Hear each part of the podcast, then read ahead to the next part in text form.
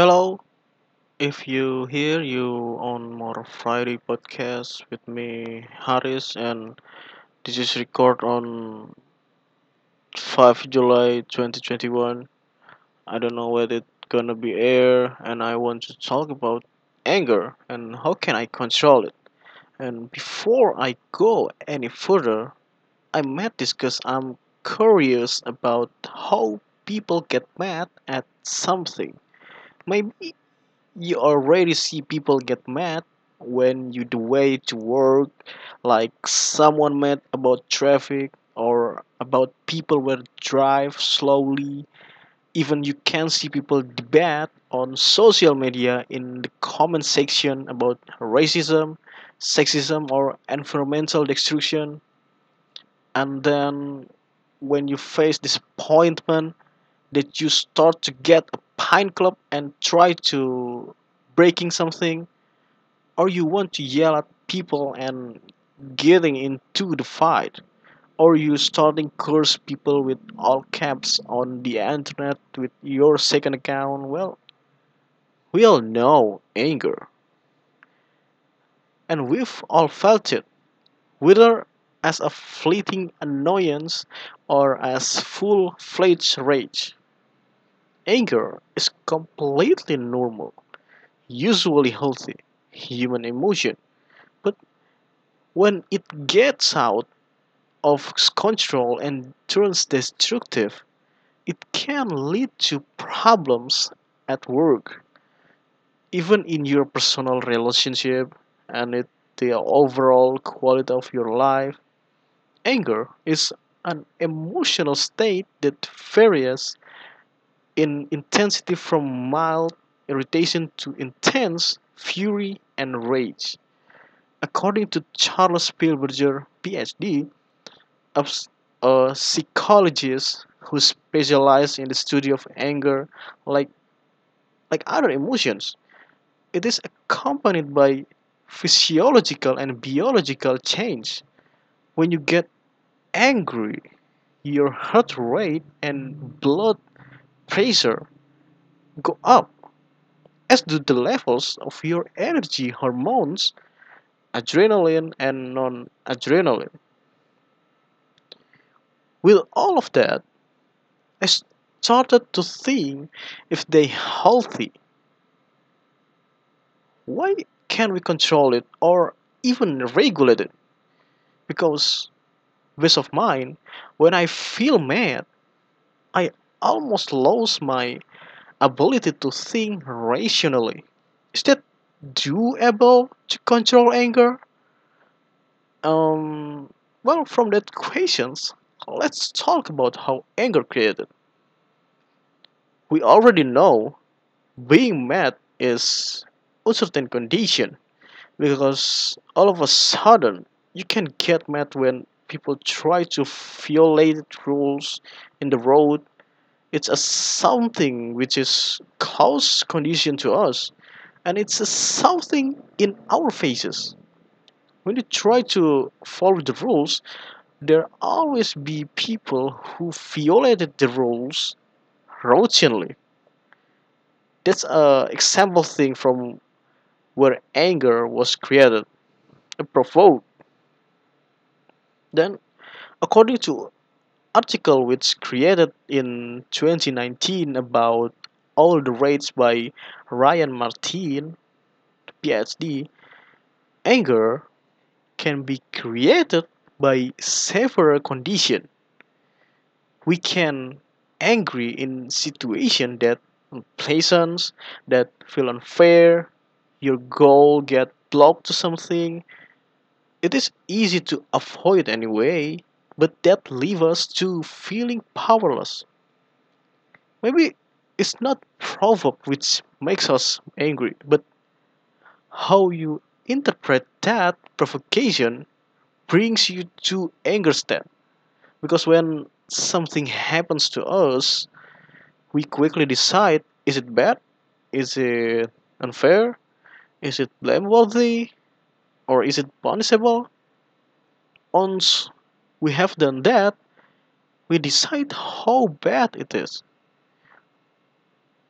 Well, If you are on your way to work and are slowed down by traffic, you might evaluate that situation as bad.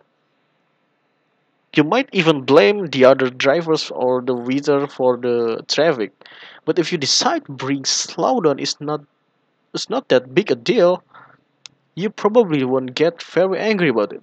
There there is a big difference between this traffic is frustrating and this traffic is going to ruin my entire day. In fact, repressing anger can actually hurt you. Dr. Ernest Harburg and his team at the University of Michigan School of Public Health spent several decades tracking the same adults in a longitudinal study of anger. They found that men and women who hid their anger they felt in response to an unjust attack subsequently found themselves more likely to get bronchitis and heart attacks and were more likely to die earlier than peers who let their anger be known when other people were annoying. Well, it doesn't mean you can lash out to everyone you meet just for people to know you are on anger state because I believe we have the ability to cope with. Even even though sometimes angry people tend to put blame where it doesn't belong. Not just in people people put anger on in in inanimate object as well. Don't forget people often do swearing to people when anger arises and it takes us to its name is inflammatory labeling. And what is it? Inflammatory labeling is just when we assign highly negative or even cruel labels to people or even in our life. Well i try to not swearing in my podcast okay honestly and i decided to not swearing.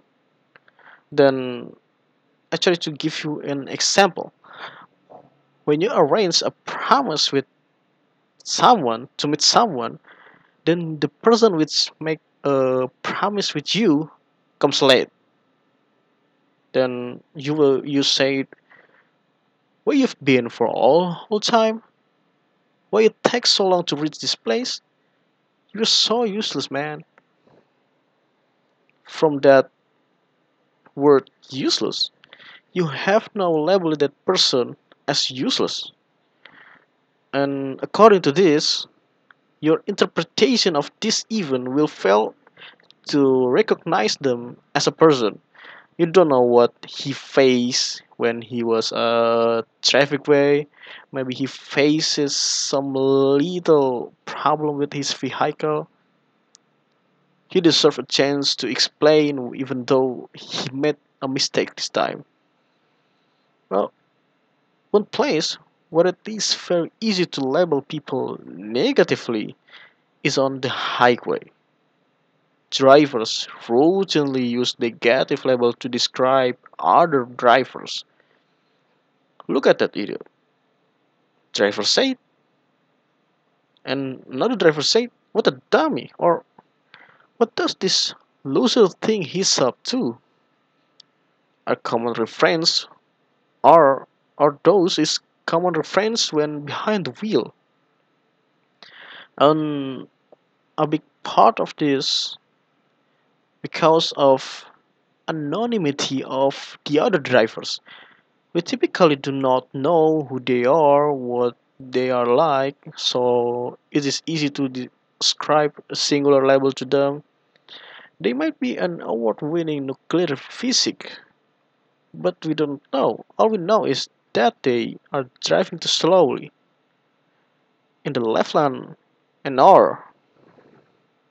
Then how to manage anger? Anyway first thing first this is based on my experience face my anger because sometimes i getting anger when trouble of life is coming This has happened when I face big problems which I cannot solve it in the less amount of time possible. I need to know myself about what what what triggering me. Then evaluate the condition that I face it. Sometimes I need pause the moment and think about why I feel anger. It does any effect if I if I if I if I express my anger in this certain place Is there any negative effect for people around me? After that, I try to get some fresh air and try to uh, sit down. I try to enjoy the moment because when anger arises to mine, to my to myself, my heart my heart rate moves so so fast, and it makes me sweet and it makes me crazy. And for the last, if if all of those ways don't work, and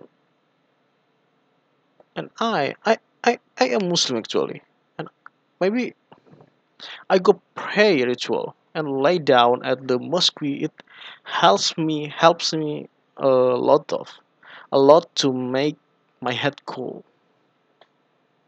Oh, so mess, but but but but but, but my point is, don't focus on the anger itself.